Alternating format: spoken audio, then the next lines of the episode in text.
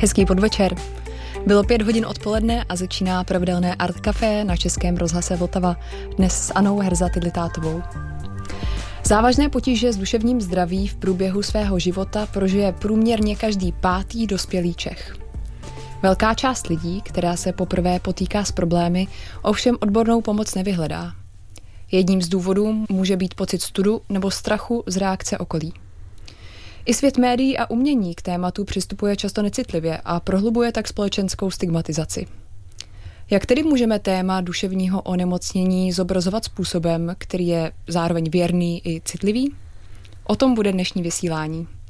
Mí hosté se navzájem znají a dokonce společně se podílejí na řadě projektů, které se komunikaci tématu duševního zdraví věnují. Takže já ve studiu vítám Pavlu Chlebounovou, organizátorku festivalu Na hlavu. Dobrý, Dobrý den. den. Dobrý den. Lindu Duškovou, divadelní režisérku z kolektivu Nesladím. Dobrý den. A Sašu Kasela, vedoucího výzkumníka z Národního ústavu duševního zdraví. Dobrý den. O dnešním tématu se nehovoří skoro nikdy snadno a čekají nás zajímavé, ale také náročné věci. Pokud cítíte, že byste potřebovali podporu, doporučuji posluchačům web Národního ústavu duševního zdraví www.opatruj.se, kde jsou čísla telefonních linek důvěry i jiné formy podpory. A další zdroje, kam se obrátit, zmíníme během vysílání. My si teď pustíme úvodní skladbu, a to od americké zpěvačky, skladatelky, pianistky a bojovnice za občanská práva Nini Simone. Začíná píseň I wish I knew how it would feel to be free, v překladu Kéž bych věděla, jak chutná svoboda.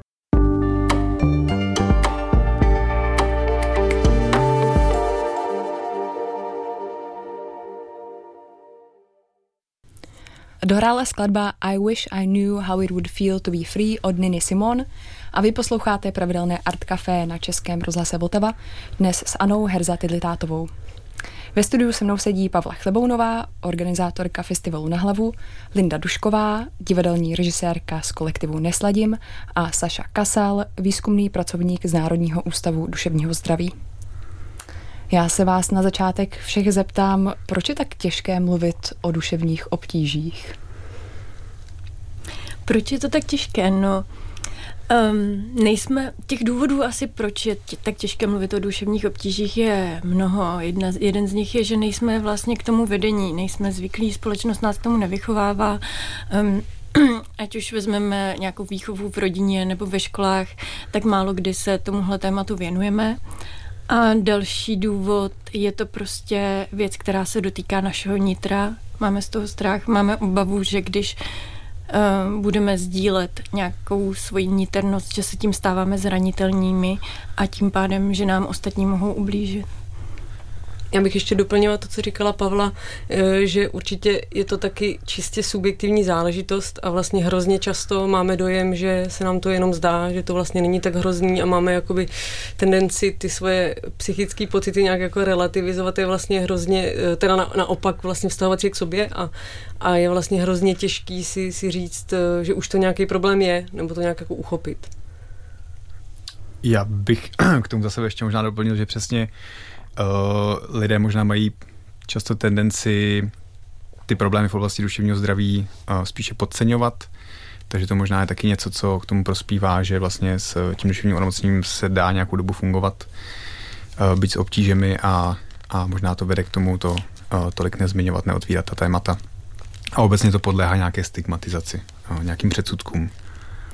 A Sašo, koho se tohle téma vlastně týká v České republice? Téma duševního onemocnění se týká nás všech, celé, celé společnosti. Eh, všech Čechů, Češek, dětí, eh, lidí v jakémkoliv věku, protože je to něco, co je vlastně poměrně běžného, ať vlastně to není tak otevřené to téma, tak je to něco, jak jste vlastně zmínila v úvodu, co se dotkne uh, zhruba pětiny všech dospělých. Podobně je to i v dětské populaci. Takže není to nějaké výlučné nebo marginální téma, ale je to něco, co skutečně se dotýká nás všech a myslím si, že právě ta otevřenější diskuze je něco, co tady velice potřebujeme. Jak si mi ty čísly zahýbala pandemie, respektive s tou diskuzí samotnou? Já se domnívám, že, že to téma se začalo více otevírat, možná i díky některým výzkumům, které proběhly jak v zahraničí, tak v České republice, kdy se vlastně mapovala uh, prevalence nebo nějaká četnost výskytu těch onemocnění v té populaci ať už dospělé nebo dětí, která ukázala na to, že ty problémy se vlastně stávají častějšími. Ty, ty čísla vyskočily vlastně řádově o, o jednotky až desítky procent a napříč všemi věkovými skupinami. A vlastně pro každého z nás asi uh, se to stalo trošku uchopitelnější. Nějaké pocity třeba osamění nebo strádání v důsledku omezených sociálních kontaktů, vlastně něco, s čím se každý z nás v průběhu té pandemie potýkal myslím a doufám, že to vlastně přispělo k otevření toho tématu k nějaké větší společenské diskuzi. Um, já se teď obracím na Pavlu Chlebounovou uh, z festivalu Na hlavu. Pavlo, vy jste na tuhle situaci reagovali právě spuštěním uh, festivalu. Tak na co se zaměřujete? Mm, my jsme vlastně uh, reagovali na tu situaci, kdy je těžké o duševním zdraví uh, hovořit takovém, takovém ne přímo jenom na tu covidovou situaci, protože festival už uh, letos pořádáme po sedmé. A my se zaměřujeme na to, aby jsme vlastně široké veřejnosti představovali to téma nějakou takovou hezky stravitelnou formou, aby jsme vlastně dokázali to téma zatraktivnit, takže Eh, například vysíva, vysíláme filmy s problematikou duševního zdraví, duševní nemoci, eh, pořádáme besedy, eh, přednášky významných výzkumníků, psychiatrů, ale například pořádáme i představení, vystoupení inscenace, kde právě jsme se setkali s Lindou, s jejím kolektivem Nesladím a nabídli jsme jim prostor na letošním ročníku festivalu. Jak vůbec tedy o duševním zdraví, respektive nemoci mluvit, aby člověk nedělal víc škody než užitku? To je moc hezká otázka, jak o něm mluvit. Um, určitě otevřeně. Um, myslím si, a to, na co klademe my na festivalu na hlavu důraz, je opírat se o zkušenosti uh, odborníků, protože zejména v oblasti duševního zdraví um, se často setkáváme se spoustou šarlatánů, se spoustou takových neověřených informací a uh, v momentě, kdy třeba člověk je uh, nemocný, kdy si prochází náročným obdobím, tak je opravdu zranitelný a má um, je, je jako náchylnější k tomu um, uvěřit někomu, kdo mu slíbí pomoc toho uzdravení, tak to, co vždycky doporučujeme, je obracet se na lidi, kteří opravdu jakoby mají to adekvátní vzdělání, kteří jsou odborníci v tom oboru. Takže eh, to bych určitě eh, doporučila soustředit se na to, z jakého zdroje ta která informace pochází. Mě k tomu napadá, že ale um, nepracujete jenom s odborníky, ale pracujete i přímo s lidmi, kteří mají za sebou nějakou zkušenost mm-hmm. duševního onemocnění nebo aktivně ji prožívají. Mm-hmm. Tak uh, máte i letos nějaký program v návaznosti um, s takovými lidmi? Jo, jo, jo, i letos máme vlastně besedu s lidmi, kteří si prošli vlastní zkušenosti s duševním onemocněním, ať už v minulosti a už se vlastně s tím nyní nepotýkají, nebo je to pro ně opakovaná zkušenost. Vlastně uh, děkuji, že to zmiňujete, protože to je důležitá součást uh, vlastně té osvěty vůbec dávat lidem, kteří tu vlastní zkušenost s duševním onemocněním mají prostor um, ukazovat, že se opravdu nejedná o nějaké, jak si máme tendenci právě uh, občas představovat blázny, lidi, který, uh, na kterých je to vidět. Naopak, opak je pravdou. Často nevidíte na lidech, že prochází nějakými duševními obtížemi a uh, to, když se najdou lidé, kteří mají tu odvahu o tom veřejně mluvit, tak to opravdu nesmírně destigmatizaci pomáhá.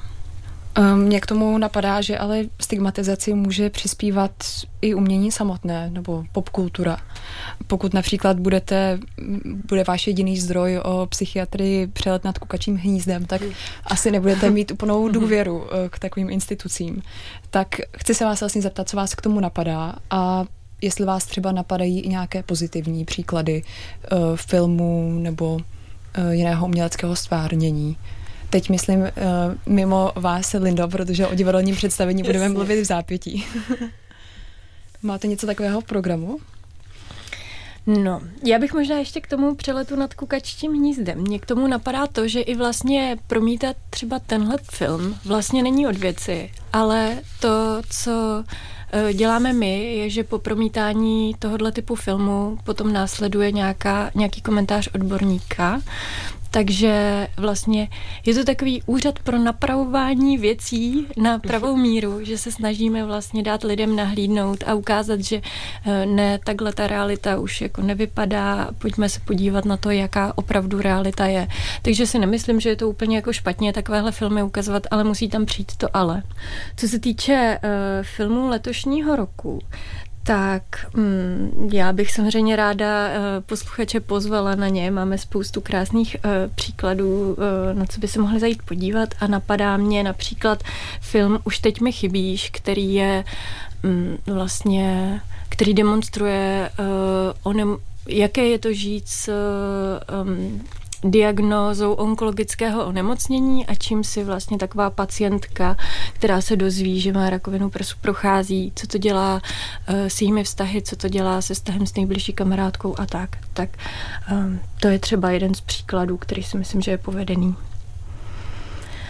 Um, jestli můžu udělat další pozvánku, tak bych třeba divákům doporučila film uh, Událost, kde se zase hlavní hrdinka potýká s tématem potratu, což si myslím, že je v dnešní době hodně aktuální téma. Um, ta etická otázka kolem toho, jestli potraty ano nebo ne, je hodně důležitá, takže tam si myslím, že právě naopak ta diskuze po tom filmu bude to, to nejzajímavější. A potom například máme, uh, uvádíme i film Bolest, uh, který se zase věnuje sebepoškozování a um, prostě tématu toho, kdy trápení lidské duše se projevuje tak, že si člověk má tendenci sám sobě ubližovat. No, pojďme si dát teď uh, pauzu a další písničku. Uh, bude to píseň od Anthony and the Johnsons, kteří na průlomovou desku I am a Bird Now v roce 2005 umístili skladbu nazvanou My Lady Story.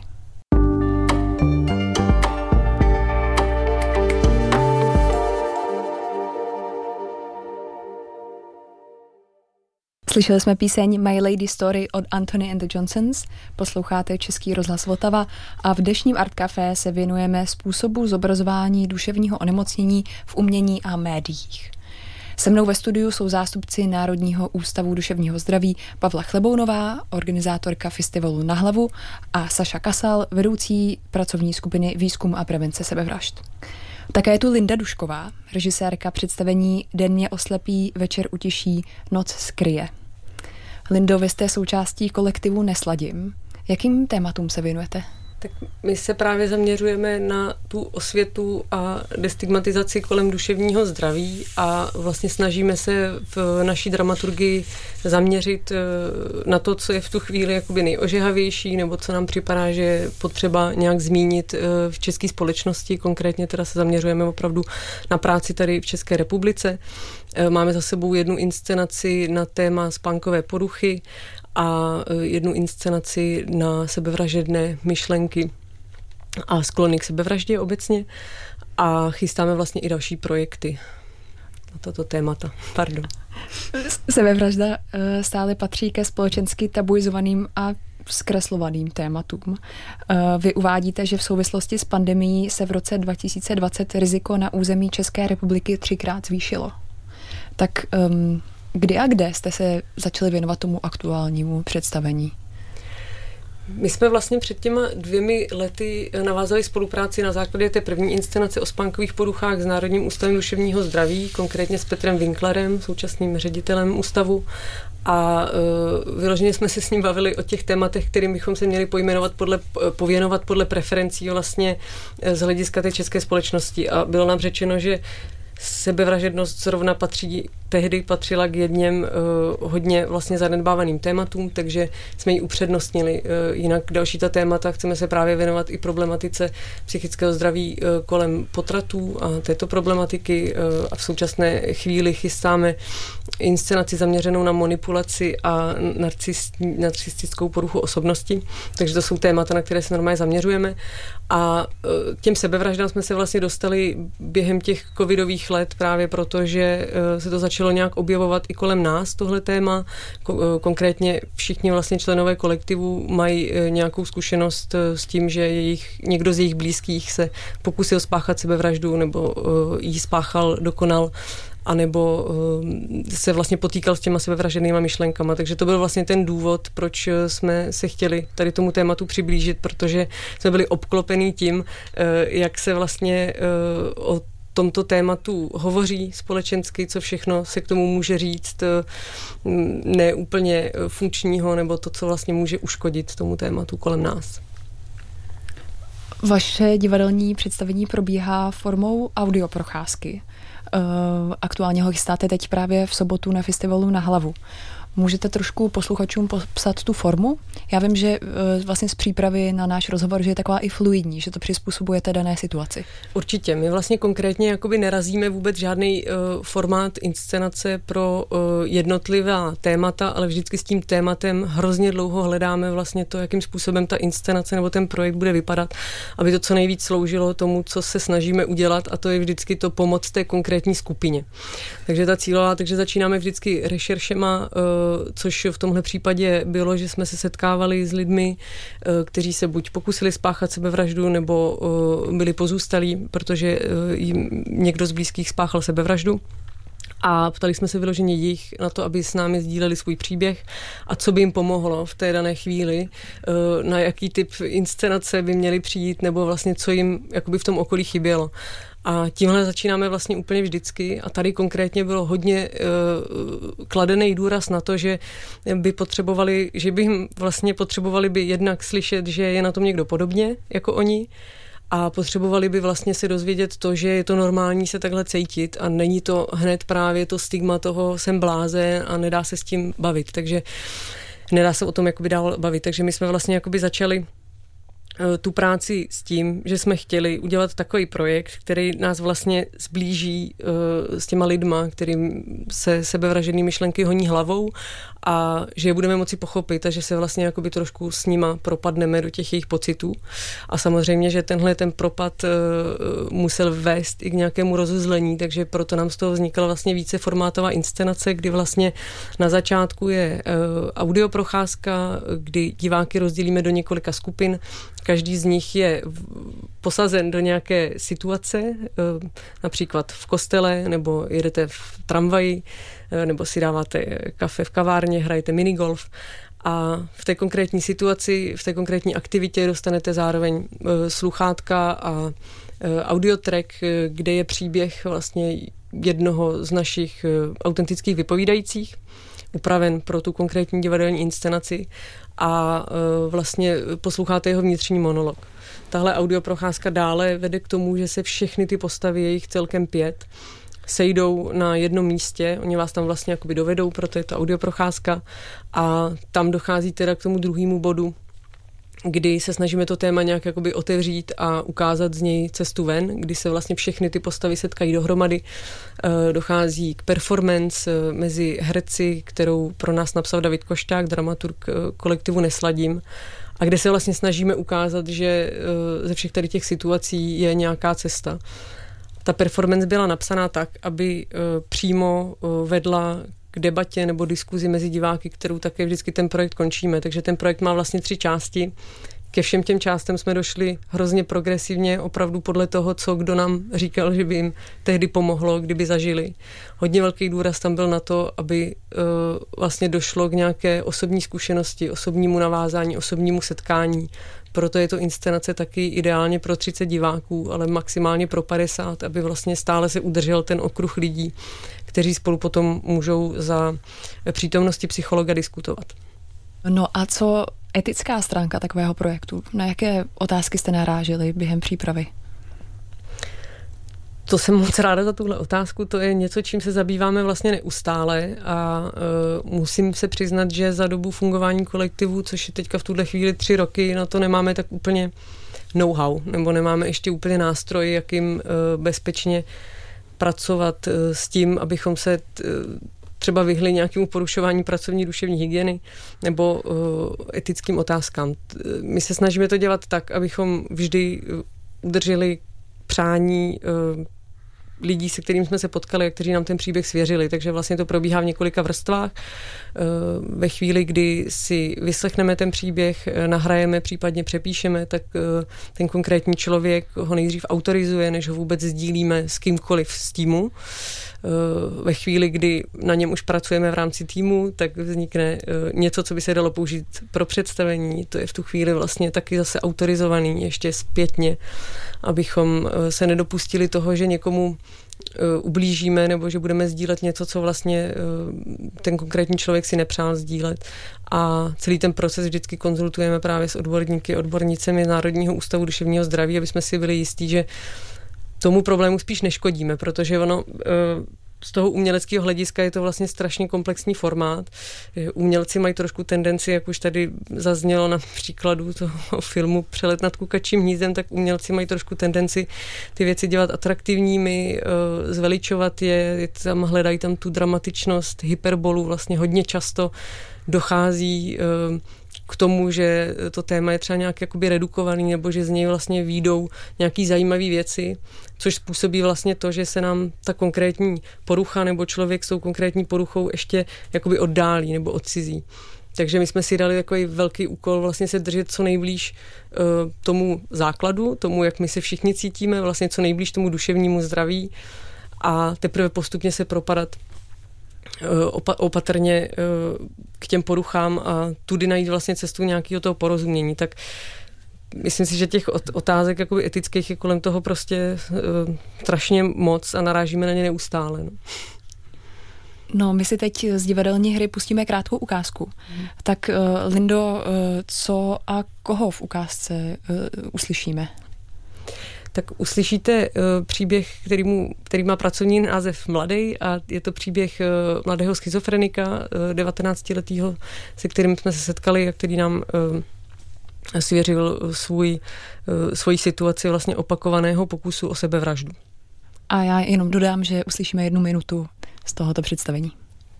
Já nechápu, co ty můžeš mít za starosti, teď si ještě. A ty ani nemůžeš vědět, co to je starosti. Možná, že si myslíš, že máš starosti, ale co budeš dělat potom takhle?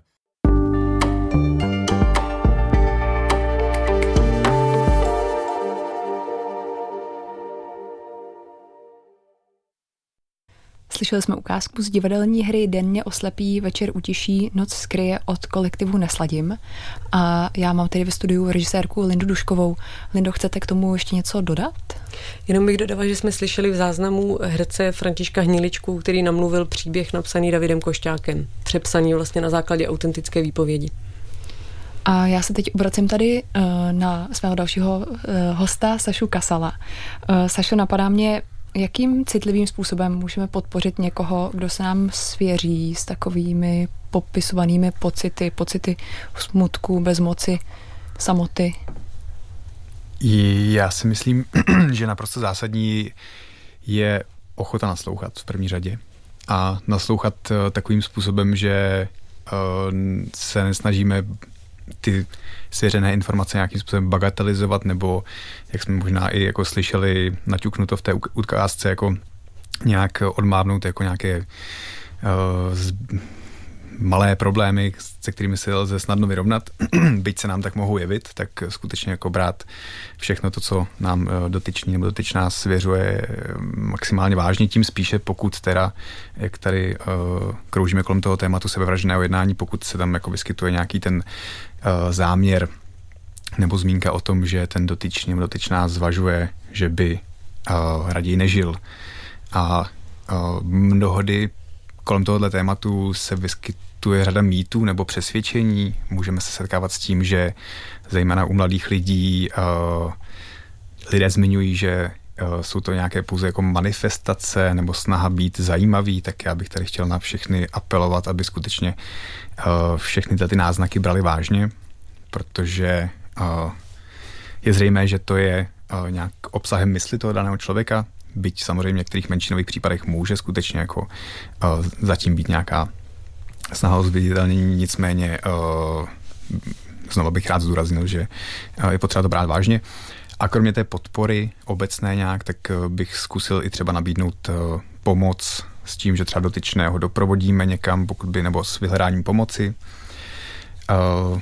Možná i zkusit zmapovat, eh, pokud by ten člověk třeba i zmiňoval, že má konkrétní plány, eh, jak si sáhnout na život, tak zjistit, jestli už nemá vymyšlené konkrétní kroky, nebo nedej bože i konkrétní plán, metodu nebo i věci k tomu, aby ten pokus vykonal, tak v takovém případě toho člověka v žádném případě neopouštět a v krajním případě klidně i volat na nějakou krizovou linku nebo linku 112 a požádat o asistenci nebo příjezd někoho.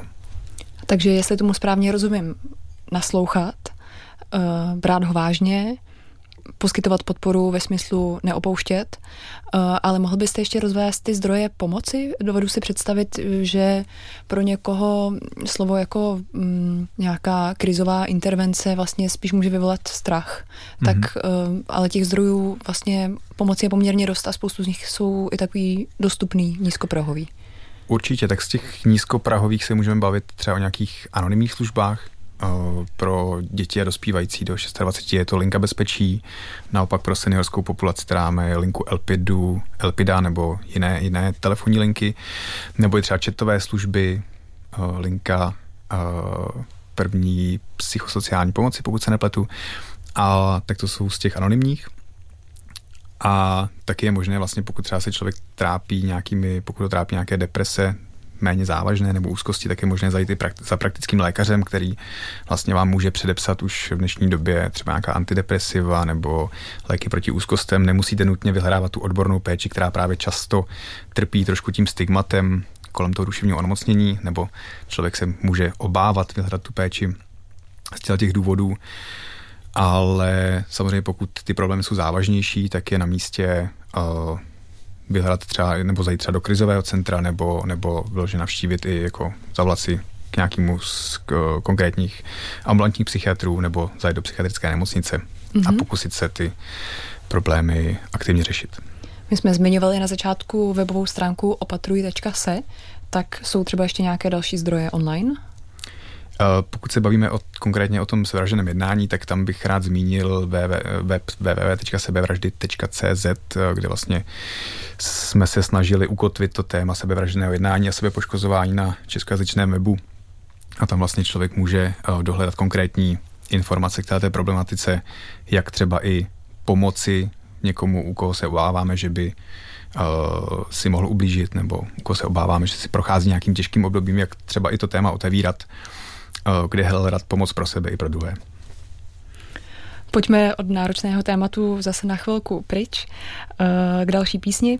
Autorem solového standardu Sunny je americký zpěvák a skladatel Bobby Hebb, který ze skladbou dobil v roce 1966 druhou příčku americké singlové hitparády.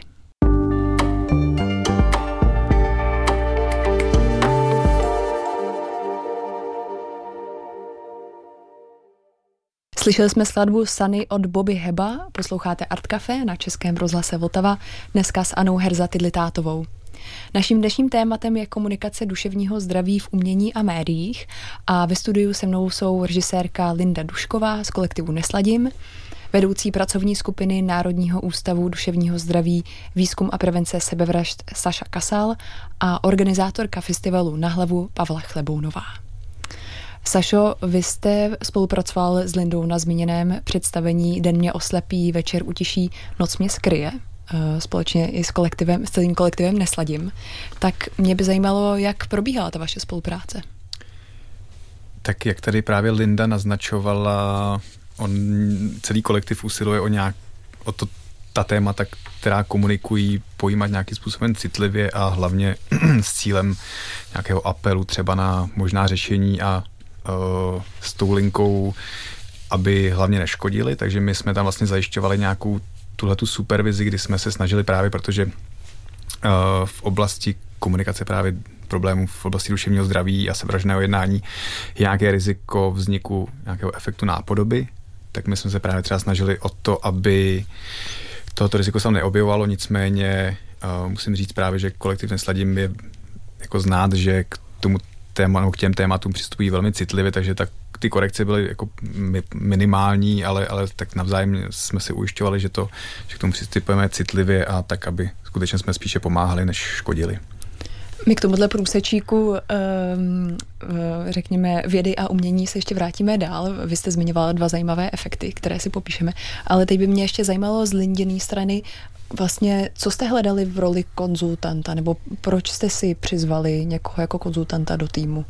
Protože nikdo z nás nemá uh, vzdělání v oblasti psychologie nebo psychiatrie a vlastně dlouhodobě máme pocit, že ani bychom ho mít neměli, protože hodně často se uh, ty vypovídající lidi konkrétně u tohohle tématu vlastně na nás obracejí s tím, že uh, psychologovi nebo psychiatrovi by to takhle neřekli a že vlastně si hodně cení toho, že se baví na osobní rovině a že tam my vlastně nemáme úplně takovou možnost mít jako absolutní distanc, jako bychom třeba mohli mít uh, ve chvíli, kdy se bavíme o těchto konkrétních jako duševních onemocnění. Je to něco jiného, když člověk mluví s psychologem nebo s psychoterapeutem a když eh, se baví vlastně s někým, kdo se zajímá o ty pocity, který má ale zároveň na druhou stranu jsme vlastně potřebovali tam ty psychologi a psychoterapeuty a odborníky na tato témata mít, abychom si byli stoprocentně jistí, že nespadneme do nějakého amatérismu, že nezačneme právě na, vlastně těch rovin té spolupráce tam pro mě bylo několik. Eh, hodně jsem třeba konzultovala to, jakým způsobem ty rozhovory eh, s konkrétními lidmi vést,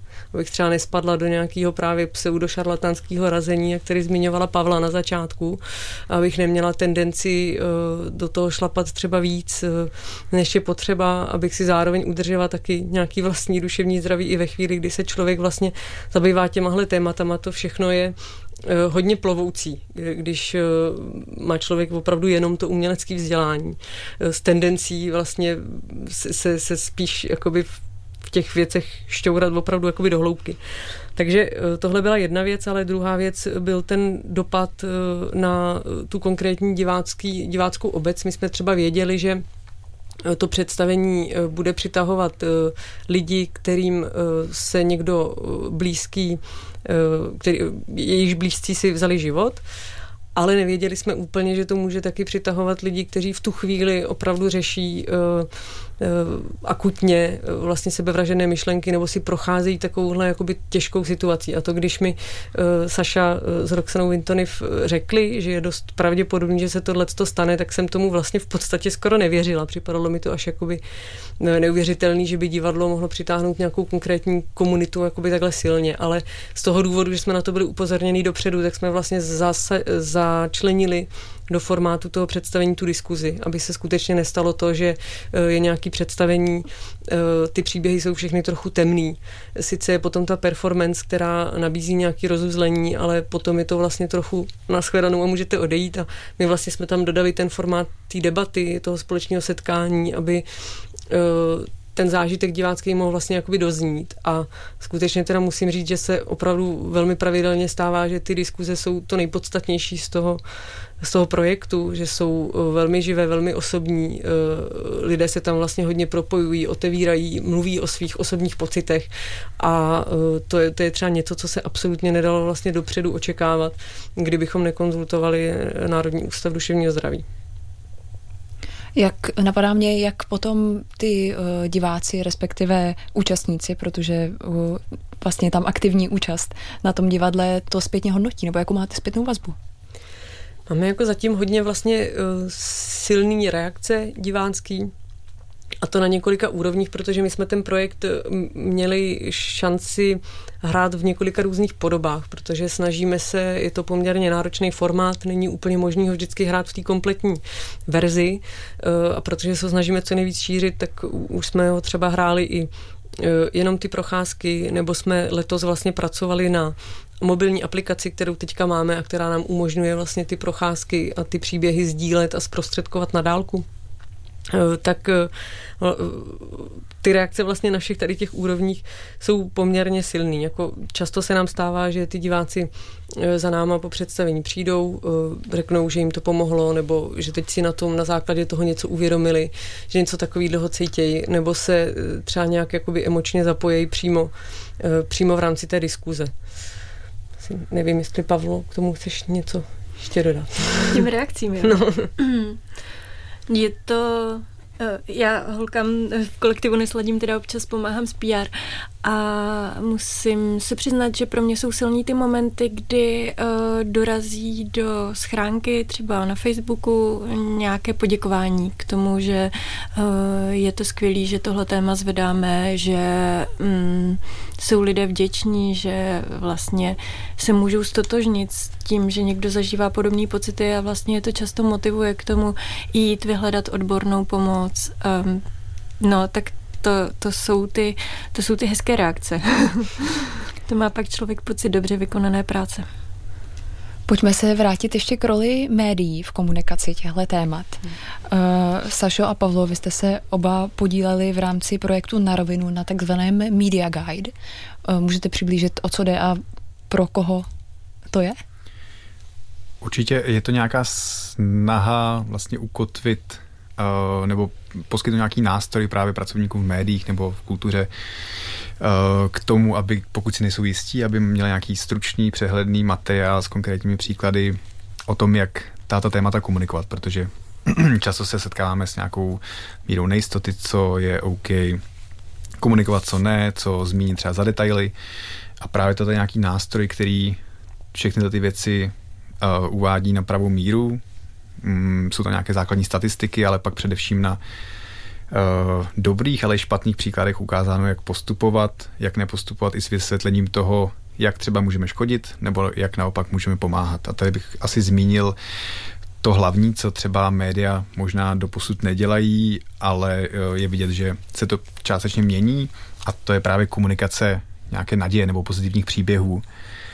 A to si myslím, že je něco, co je velice důležité, protože pokud se zase vrátíme k tématu sebevražd, tak nejčastěji se s tím tématem setkáváme v tom smyslu, že někdo zemřel tímto způsobem, ale málo se setkáváme s těmi příklady, kdy si přečteme o někom, kdo překonal nějakou hlubokou krizi, ať už její důvody byly jakékoliv, nemusí to nutně být duševní onemocnění.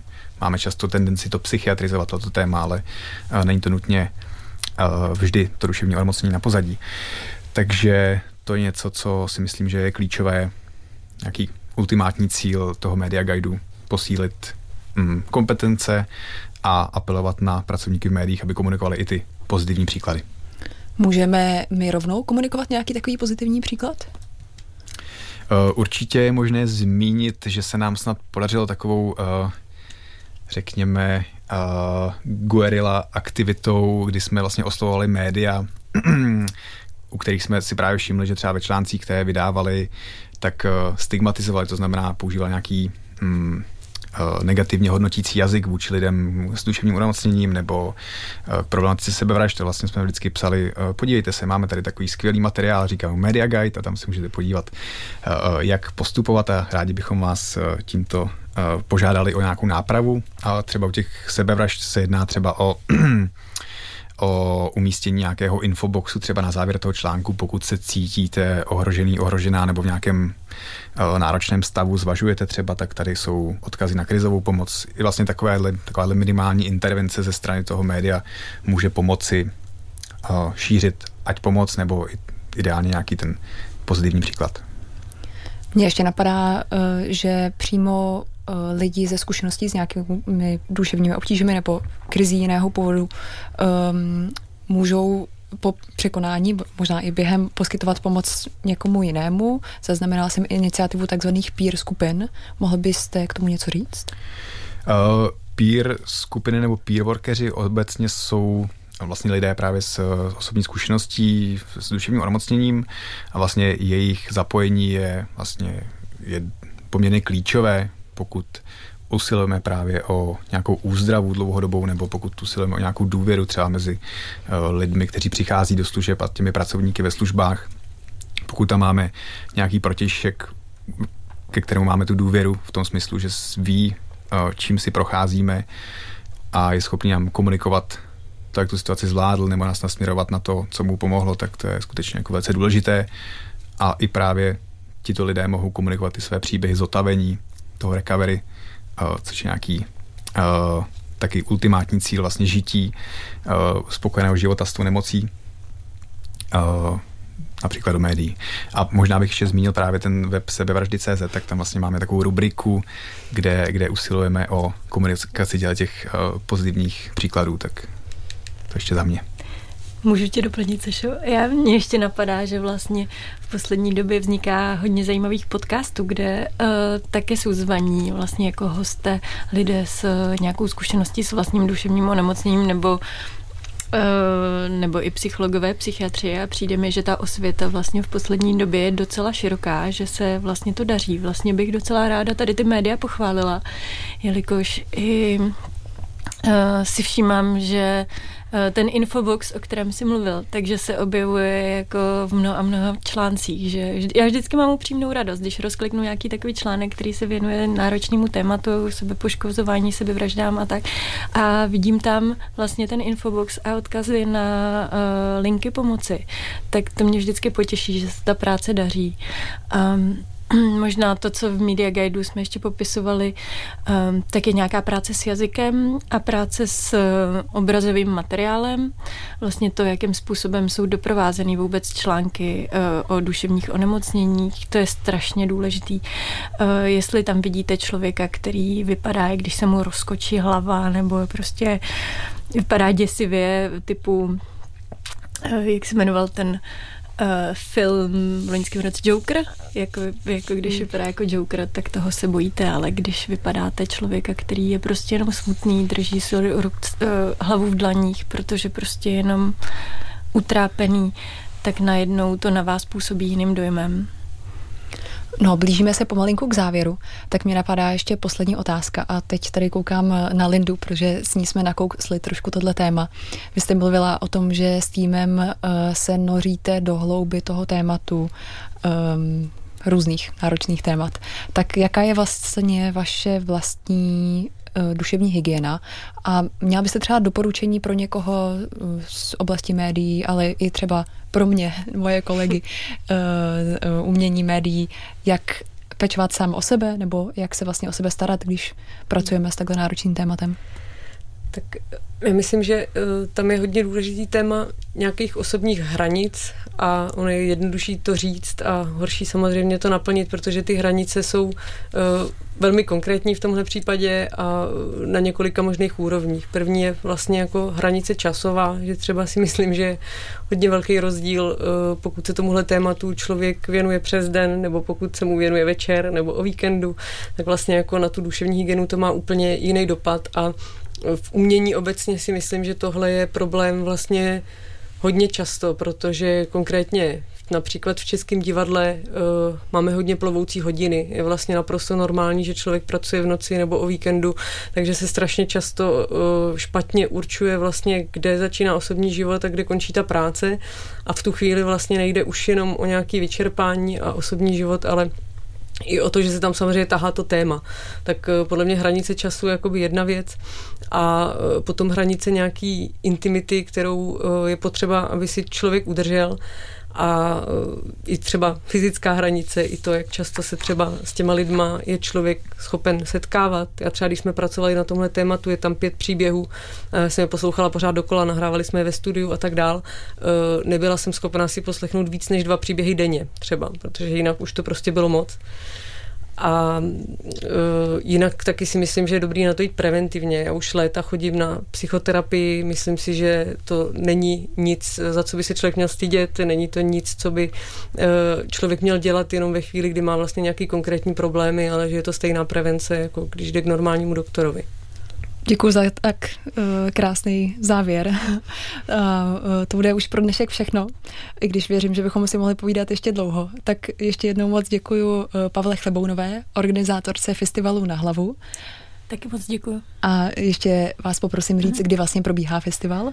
Jo, tak uh, festival probíhá teď od čtvrtka 23. února do neděle 26. února a budeme rádi moc, uh, pokud všichni dorazíte.